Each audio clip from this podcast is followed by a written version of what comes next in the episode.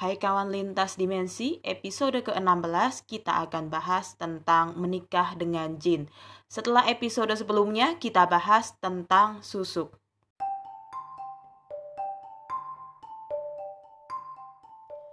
Sebetulnya ini adalah episode paling gaje atau nggak jelas ya menurut saya. Soalnya kita benar-benar bahas yang di luar nalar sih apa itu pernikahan dengan jin dan bagaimana bisa gitu kan? Atau memang hanya kehaluan para jomblo tingkat tinggi? Karena memang ada juga yang mengaku mereka akhirnya lebih memilih menikah dengan jin daripada manusia. Sementara manusia aja luar biasa masih banyak kan di muka bumi ini. Dan bahkan ada juga yang menyebutkan mereka menikah untuk uh, mendapatkan harta. Tetapi kalau itu lebih masuk ke arah pesugihan ya. Kapan-kapan kita bahas tentang pesugihan. Tapi ini benar-benar konteksnya adalah menikah dengan jin dalam arti mereka yang mengaku menikah karena cinta itu ya.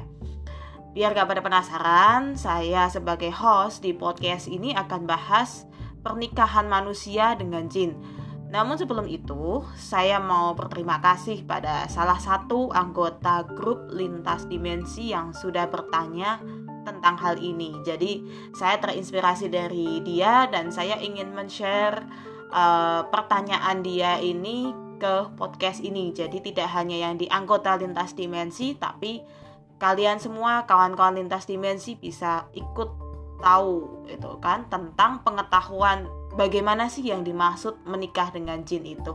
Oke, stay tune terus ya. Kita akan bahas setelah ini.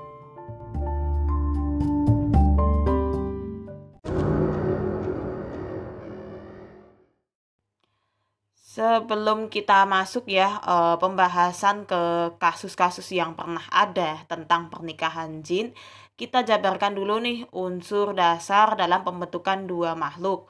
Nah, dua makhluk yang saya maksud adalah manusia dan jin. Untuk yang pertama, manusia itu kan da unsur dasarnya eh, tanah ya.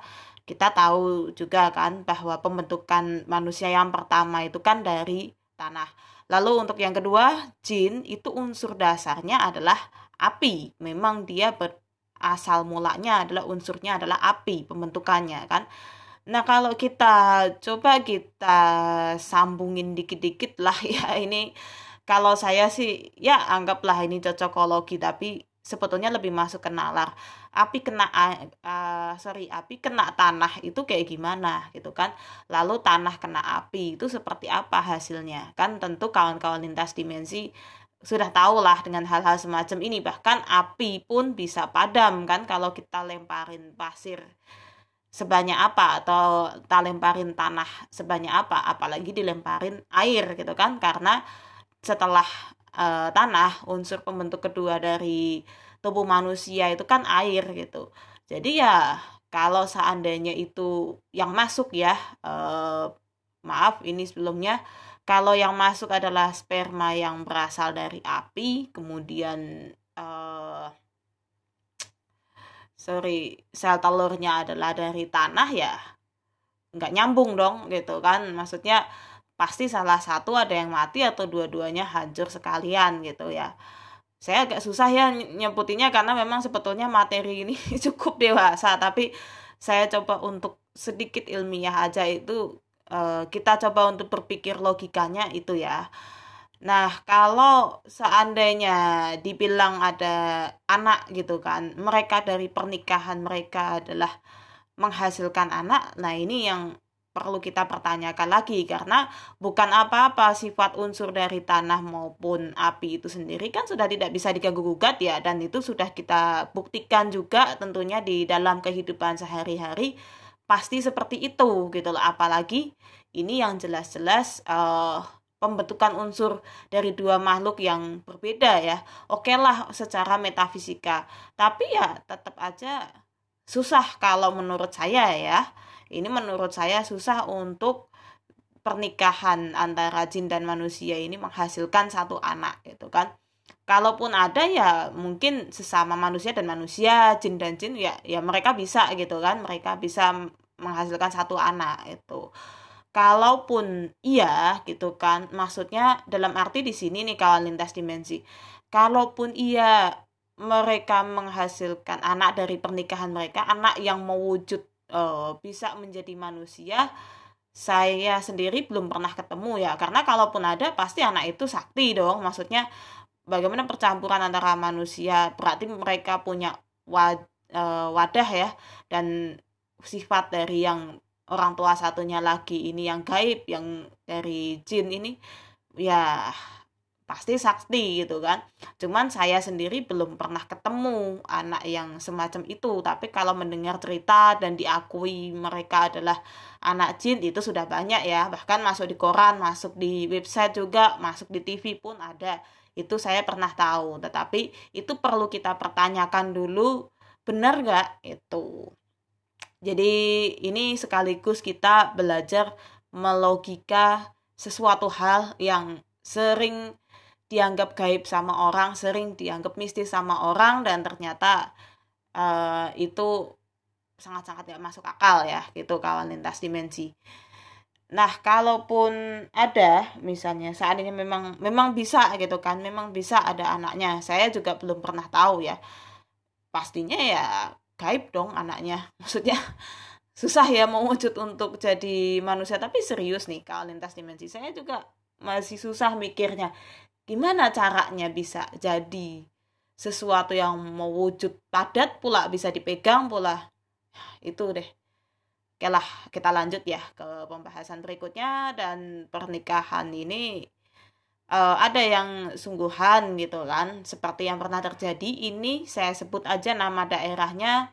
Saya tahu juga bahkan kasus ini masuk di salah satu koran lokal Jawa Tengah gitu. Tapi saya nggak tahu uh, maksudnya saya nggak tahu daerahnya mana tapi saya hanya tahu provinsinya Jawa Tengah gitu aja.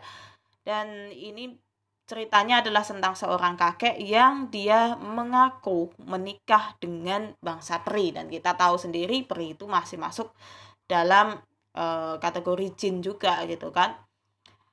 Uh, kalau dibilang ini ada yang waktu itu ya berkomentar ya budayawan juga ada yang bilang salah satu prosesi budaya gitu kan? Karena apa dianggapnya waktu itu mungkin di desa itu uh, kalau ada istilahnya pernikahan semacam itu nanti desa itu makmur. Ada yang bilang semacam itu mungkin tapi dia belum berani untuk memastikan. Mungkin kebudayaan di desa itu semacam itu. Ada juga yang bilang ya eh, nggak uh, mungkin lah gitu kan? Menyaksikan hal-hal semacam ini. Ada yang memang bilang mereka bisa melihatnya gitu. Mereka bisa melihat ketika si calon istri ini diarak. Karena waktu itu rame ya sampai dibuat kayak semacam undang-undangan katanya katanya ya di situ ada calon istrinya yang peri itu duduk di situ gitu. Cuman ketika difoto sama wartawan nggak kelihatan. Saya juga nggak lihat ya di foto itu. Kalau ada kan pasti kerasa sekalipun foto ya. Saya nggak ngelihat juga.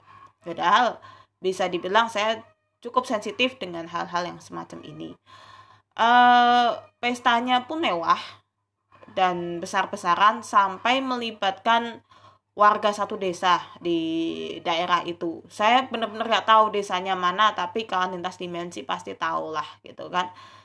Uh, sempat disanggah juga gitu kan kalau sama si si kakek ini juga kalau apa yang dia lakukan itu merupakan salah satu prosesi budaya nggak tapi dia memang benar-benar menikah sungguhan gitu dengan sosok yang uh, dari sosok yang dia akui sebagai itu adalah peri gitu kan.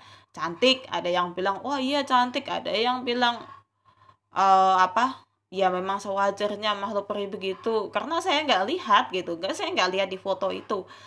Cuman menurut pengakuan orang-orang yang katanya bisa lihat langsung di tempat itu mengatakan bahwa ada gitu kan di semacam ya semacam singgah sana ya lah ya singgah sana yang dijunjung sama orang itu di situ ada gitu kan si kakeknya jalan ya kalau yang si calon istrinya katanya dijunjung begitu. Eh uh, gimana ya sebenarnya kita perlu ambil secara logika lagi lagi lagi logika karena bukan apa-apa. Uh, orang Indonesia itu kan kawan lintas dimensi ya tahu sendiri segala sesuatu hal selalu dilibatkan dengan yang namanya mistis itu susah. Kalau kita mau melawan mereka nggak perlu ya. Biarkan mereka percaya dengan kepercayaan mereka tapi kita jangan ikut-ikutan gitu kan. Kita perlu menalar dulu sebenarnya bagaimana sih gitu kan. Apakah dibilang bangsa peri itu nggak ada? Ada sebetulnya. Cuman saya nggak suka ya uh, di podcast ini kita membahas ke salah satu makhluk nggak sih? Karena takutnya apa? Mereka punya privasi dan saya nggak punya izin untuk membahas mereka. Takutnya adalah saya nanti izin saya dicabut untuk bisa tahu tentang hal-hal seputar mereka gitu kan. Ya cukup untuk diri saya sendiri bukan saya pelit ya. Bagaimanapun juga kita antar makhluk kita punya privasi. Saya pun juga punya privasi nggak mungkin dong mau dibuka-buka sama orang lain. Nah seperti itu contohnya. Lalu ada juga nih kalau yang kalian ya. Mungkin yang sama seperti saya lahir di tahun 90-an atau yang ya di tahun-tahun itu pernah mendengar ada yang namanya anak genderuwo. Ini ada berapa ya? Saya tahunya sih ada tiga kasus dan rata-rata anak-anak ini adalah dikurung gitu. Dikurung di satu uh, kalau kandang ayam bukan sih bener-bener kayak ini ya.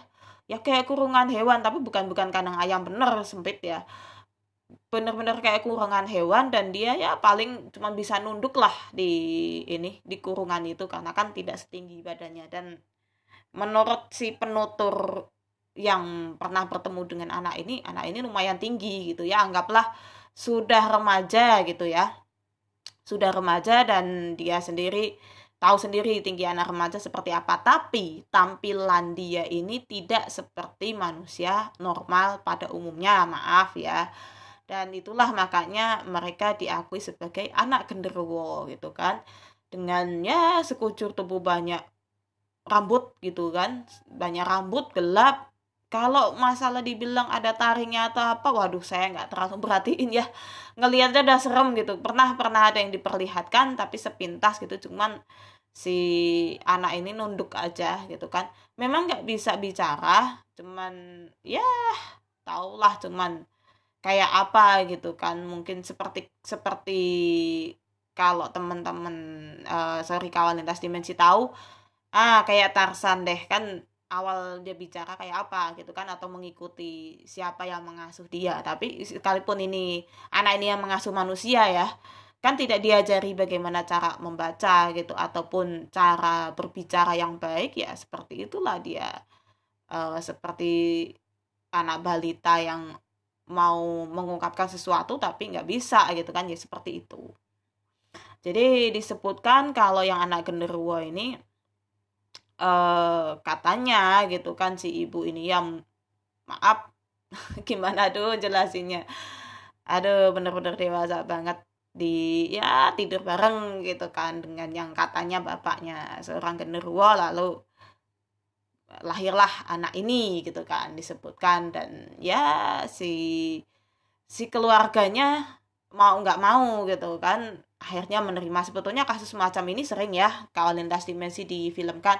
Tetapi sekali lagi kita coba untuk logika logika dan logika dulu gitu kan maksudnya ini seperti apa gitu kan karena bukan apa-apa ya kalau lintas dimensi kan e, banyak juga sindrom penyakit dan kita tahu juga bahwa di dunia ada yang namanya itu sindrom Welroth atau apa jadi sekucur tubuh uh, orang ini memang banyak bulunya gitu. Ada yang kalau tapi ngikut ya, tidak selalu hitam. Kalau memang dia gennya adalah rambutnya hitam ya seluruh tubuhnya itu hitam. Tapi kalau ada juga yang e, memang dia ini pirang gitu. Ada yang anak ini kan dia kena sindrom itu juga. Itu memang ini kok ya sekucur tubuhnya ya rambutnya ya pirang semua gitu. Tapi kan nggak enak ngelihatnya ya kayak macam maaf ya kayak macam monyet mungkin gitu ya ya kayak gitulah ya dan ini pun kejadian ini saya rasa terjadi pada anak-anak yang disebut anak genderuwo gitu kan. Nah kalau anak ini uh, saya nggak tahu ya masih hidup apa enggak tapi kalau masih hidup pun ya saya yakin yang nggak bisa berbuat apa-apa paling hanya nunggu untuk dikasih makan sama yang uh, orang tuanya ataupun sanak keluarganya yang masih mampu untuk merawat ya. Karena kan anak ini katanya gitu kan kadangkala kalau dilepas dari kurungan ngamuk sendiri. Terus habis itu uh, apa ya suka ngejar-ngejar atau apa dan sebagainya. Kalau menurut saya sih ini karena diakibatkan orang tuanya ini tidak mau cari tahu gitu kan. Yang dan yang kedua ada juga bisa jadi bukan masalah tidak mau mencari tahu tapi mereka tidak mau e, mengakui bahwa sebetulnya ini masih anak mereka gitu. Jadi di aku ya kasihan juga ya sebenarnya kenapa genderuannya jadi apa jadi bulan-bulanan ya. Ini sih tapi bukannya bukannya nggak pernah ya. Kalau lintas jenis bukannya nggak pernah ada kejadian yang semacam itu. Cuman uh, apa dalam artian kalaupun ada anaknya tidak mewujud anak manusia loh. Kalau lintas dimensi ya nggak kelihatan lah anaknya. Ini ini beneran kita bisa lihat loh kalaupun waktu itu mungkin kawal lintas dimensi ada yang tahu kan anak ini yang dikurung dan kemudian dijadikan tontonan anak-anak ataupun tontonan orang dewasa kan bisa dipegang dia gitu kan. Kalau memang anak genderuwo ya nggak mungkin bisa dipegang lah gitu kan di situlah uh, logika yang kita pakai pertama ya. Dan anak ini uh, apa ya kalau selain nggak bisa bicara kalau menurut saya sih lebih ke arah autis betulnya anak ini ditambah dengan dia memiliki uh, kelainan itu tadi yang saya bilang mungkin ya lebih ke arah sindrom werewolf jadi dia banyak rambut di sekujur tubuhnya. Kalau ada yang bilang sih waktu itu di grup lintas dimensi ini apa karena anak ini sebetulnya mau menerima keilmuan dari bapaknya yang gaib ya atau ibunya yang gaib tetapi tidak mampu gitu kan. Sehingga anak ini menjadi autis? Enggak juga sih. Memang ya memang dasarnya gitu kan. Apakah kalau ia semacam itu berarti jangan-jangan semua anak autis di seluruh dunia itu dia nggak mampu dong menerima ilmu yang berat enggak kan? Nah itu kan kembali lagi secara ilmiah. Pastinya ada kan penjelasan tentang kenapa anak itu bisa autis ya. Saya tidak akan jelaskan ke sini. Tetapi saya untuk mencoba melogika tentang peristiwa-peristiwa yang ada dan terjadi selama ini gitu. Ya kalau dibilang anak ini uh, dimanfaatkan saya berani bilang ini sudah dimanfaatkan sama orang tuanya maupun orang-orang di sekitar dia kan untuk dipertontonkan. Saya kasihan juga sih karena bagaimanapun juga dia tetap anak manusia kan gitu. Sekalipun ya mungkin keluarganya tidak mau mendidik dia ya ya sudahlah. Karena kan kalau seandainya mau dirawat dididik pun yakin bakalannya bagus kok ke depannya gitu kan. Jangan dikit-dikit kita tuduh waduh ini anak genderuwo terus kita takut gitu kan. Kita kan pasti cek dulu ya namanya orang-orang zaman dulu ya atau kita kita yang ya masih selalu keblinger sama hal-hal mistis. Susah tapi kita cukup tahu aja ini untuk kawan lintas dimensi tidak perlu dipaksakan kepada orang-orang yang sudah percaya akan hal semacam itu cukup untuk pengetahuan kita sendiri supaya apa? Supaya kita tidak terjebak oleh mereka-mereka yang mengaku semacam itu gitu kan? Apalagi ini sudah unsurnya sebetulnya yang mereka pertunjukkan anak-anak dibilang anak genderuwo itu bisnis loh ya karena kan eh, bahkan yang saya tahu ya ditarikin tiket masuk kok tiket masuk dan parkir ataupun tidak ada tiket masuknya tapi kita diminta untuk sumbangan sukarela. Ya iyalah gitu kan sumbangan sukarela dalam artian ini buat ngerawat si anak itu gitu kan ngasih makan si anak itu. Cuman kan itu tidak manusiawi dan kejadiannya jatuhnya adalah kayak uh, kebun binatang manusia gitu. Ini serius kalau lintas dimensi dan itu sebetulnya bisa loh dilaporin kan ya. Tapi ya bagaimana lagi kita ngelihat maaf ya ngelihat wujud anak itu mungkin sudah takut gitu kan. Tapi kalau kita mau ya bisa sebetulnya anak itu pada saat mungkin sudah remaja tapi mau kita rawat ya mungkin bisa jadi kan jadi anak yang biasa aja meskipun autisnya tidak bisa hilang tapi kan lebih tertata hidupnya nggak masalah itu oke nah yang terakhir uh, ada kawan lintas dimensi. Kalau sering tuh misalnya ya kita ketemu sama di jalan gitu kan ada anak-anak yang wah nakalnya luar biasa terus dijewer sama ibunya atau ditendang atau apa. Lalu ibunya atau orang tuanya ini pun bilang kamu tuh anaknya siapa sih? Gitu anak jin apa gimana gitu. Itu memang memang sih kalau kita lihat gitu kan kita kalau saya yang sebagai muslim ya mungkin akan beristighfar gitu kan. Astagfirullah masa iya sih nyebut anak sendiri tuh anak jin? Eh tapi jangan salah loh kalau lintas dimensi. Sebetulnya ini nih ada penjelasannya dan kalau yang saya nanya ya ke Bang Sen ini sebenarnya anak apa? gitu kan. Bukan anak ajaib juga anaknya nakal luar biasa gitu. Apa nggak bisa diatur gitu? Dan rupanya inilah yang disebut dengan anak yang mensifati sifatnya jin. Dan ini disebut dengan mukanas. Silahkan kalau lintas dimensi bisa dicari mukanas itu apa? Tulisannya M U K H A N eh sorry sorry saya ulang ya.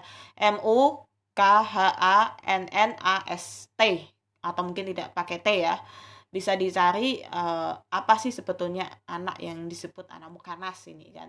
Jadi kalau penjelasan singkatnya ya dari saya dan yang sudah tanya ke Bang Sen anak ini sebetulnya terjadi gitu kan. Karena maaf aduh ini lagi masuk konten dewasa lagi deh. Ketika kita sedang berhubungan gitu kan yang sudah menikah ya sedang ya berhubungan di kasur lalu kita lupa membaca doa gitu. Di situlah maaf ini jin-jin yang usil iseng gitu kan ikut campur di dalamnya. Nah kalau mereka meninggalkan sperma mereka bukan ataupun mereka ngapain bukan karena maaf ya rata-rata yang usil yang yang jantan ini kalau yang betina saya nggak tahu tapi bisa jadi ada gitu kan. Uh, mereka justru meninggalkan sifat sifat-sifatnya ke dalam anak manusia ini gitu. Ya sebetulnya berbahaya juga sih karena uh, anak ini jadi nakal luar biasa atau mungkin kurang ajar sama orang tuanya atau apa pun itu. Tetapi masih masih bisa sih sebetulnya di uh, kalau yang udah tahu gitu kan diatur itu bisa. Nah kenapa kok orang tuanya sampai menyebut wah kamu nih anak siapa sih? Anak sih ini secara tidak langsung ya kalau lihat sebenarnya jadi memang dari dari lubuk hati yang dari mana aduh dari alam bawah sadarnya si orang tua ini sebetulnya mengakui gitu bahwa anak ini ada percampuran ketika dalam proses pembuatan. Astaga. Aduh saya nggak mau bahas ini tapi kenapa jadi bahas ini? Jadi dalam proses pembuatan kenapa kok tiba-tiba ada masuk nih gitu kan? Ada masuk yang tuh ya kita nggak pernah tahu kan hal-hal semacam ini gitu. Makanya memang di dalam agama apa pun itu kita selalu diminta untuk berdoalah sebelum berbuat itu gitu kan dengan pasangan kita supaya apa? Memang anak yang ada kita lahirkan dan memang dari pasangan kita itu adalah anak yang pure murni manusia tidak ada campur tangan dengan makhluk-makhluk lain gitu kawan lintas dimensi ya oke uh, cukup sekian ya kawan lintas dimensi ini. Saya jadi ngalur ngidul ini. Penjelasannya karena saya susah banget. Saya kan nggak berharap podcast ini untuk orang dewasa ya. Sebetulnya untuk semua lapisan. Tapi karena pembahasannya cukup dewasa dan sebetulnya cukup vulgar aduh ya akhirnya terpaksa lah daripada uh, kita semua ikut terbodohkan oleh hal-hal yang tidak masuk akal dan diaku-aku itu sebagai mistis tapi ternyata tidak hal yang mistis itu kan. Ya semoga semua tercerahkan ya kalau lintas dimensi. Stay tune terus saya akan bahas tentang hal-hal menarik seputar dunia supranatural mistis atau apa pun itu. Jadi kalau kalian mau request silahkan nanti hubungi saya ya. Bisa lewat email dita.arinastrianda@gmail.com atau bisa lewat Facebook saya Dita Arina Astrianda untuk kasih masukan boleh mau tanya boleh silahkan kalau mau masuk ke grupnya lintas dimensi bilang ke saya kalian bisa tanya di sana bisa langsung saya jawab ataupun suami saya Bang Zen jawab dan kita uh, jabarkan juga nantinya ke dalam podcast gitu ya Oke semuanya, terima kasih. Salam.